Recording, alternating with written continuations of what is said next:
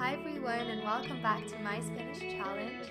My name is Rebecca, and I'm studying to be a teacher in Spanish and English. And this podcast is basically all about language learning, tips and tricks, and living abroad. And I'm currently living in the north of Spain in a beautiful city called Santander, which is by the coast with nice views of the mountains too. And this podcast is all about language learning, tips, ideas, and tricks on how we can be more effective and enjoy ourselves when learning another language, which is great because today I thought we would talk exactly about that how we can improve ourselves in a language or improve in a language in more creative ways. And I want to start by saying that I, I am usually a fan of the more traditional ways.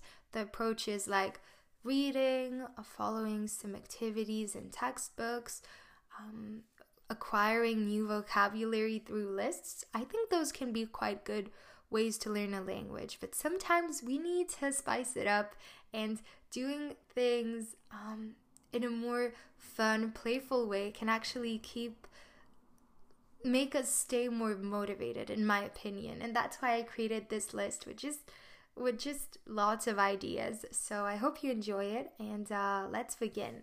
Now the first thing i wrote down on my list was to actually imagine yourself having a conversation with someone you're really uh, impressed by someone you look up to. It could be um, an artist a role model for you or even a family member or a friend, someone you would love to talk to. And imagine yourself having this discussion with them and write down the questions you would like to ask them. And if you want to go a step further, write down what you think that person would answer in the language, of course, that you want to learn. Um, this way, you're writing down this nice dialogue if you don't want to write, however, you can also just imagine yourself having this conversation or even talk it out loud if you want to practice your oral skills.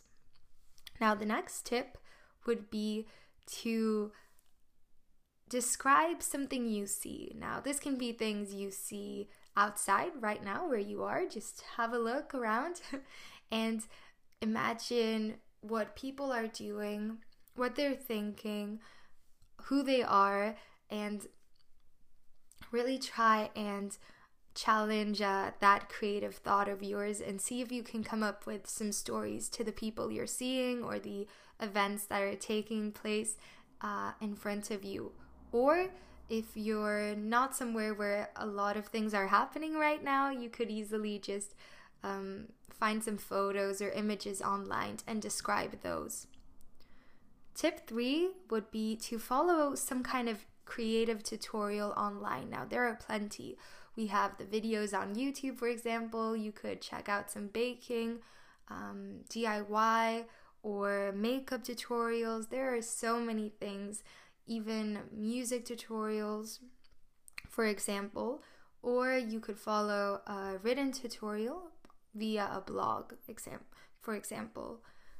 Tip four is to actually create a presentation. Now, this might sound very, very old school, very traditional, but I think they can be quite fun. And really, if you're into this kind of more digital design uh, area, you can be very creative here and create a presentation about a topic or theme that really interests you, something you want to learn more about. In this way, you're not only learning about a subject, but you're also trying to display it in a fun way.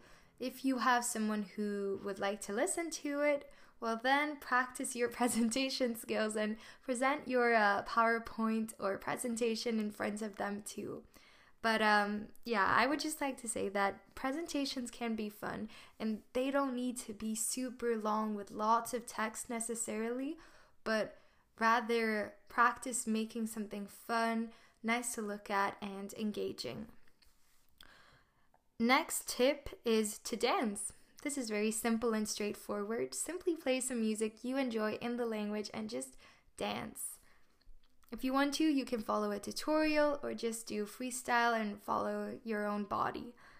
So, the tip after that, I believe it's tip six, if I'm not mistaken, is to daydream. Now, daydream, I feel, is something we don't do enough. I think it's so nice and relaxing because you don't have your phone, you're not distracted by things. Instead, you're just there with your mind and you can daydream in another language. Imagine yourself having conversations with other people or seeing things happening in front of you where the language is spoken. And here again, you can really challenge your mind and think about events or things you don't usually think about, which is a nice way for you to really expand on your mind. You could even imagine yourself having conversations in the future with people you would like to meet in the language you're learning. Tip number seven would be to create some kind of blog or video. So, this might sound very ambitious, but really it doesn't need to be. My point here is that if you are interested in learning a language and working on it for a longer time, perhaps a blog or some kind of video or project might motivate you to keep uh, stay consistent. So, for example, if you create a private blog, you can easily track your progress, write about different things that interest you, um, while not needing to share it with everyone. And if you feel like sharing your content with others, well, then by all means do that. But um, just know that there are several ways we can create fun things and be creative um, on the internet nowadays. And with the video idea, you could create some kind of music video or do images with text or voiceovers in the language you're learning.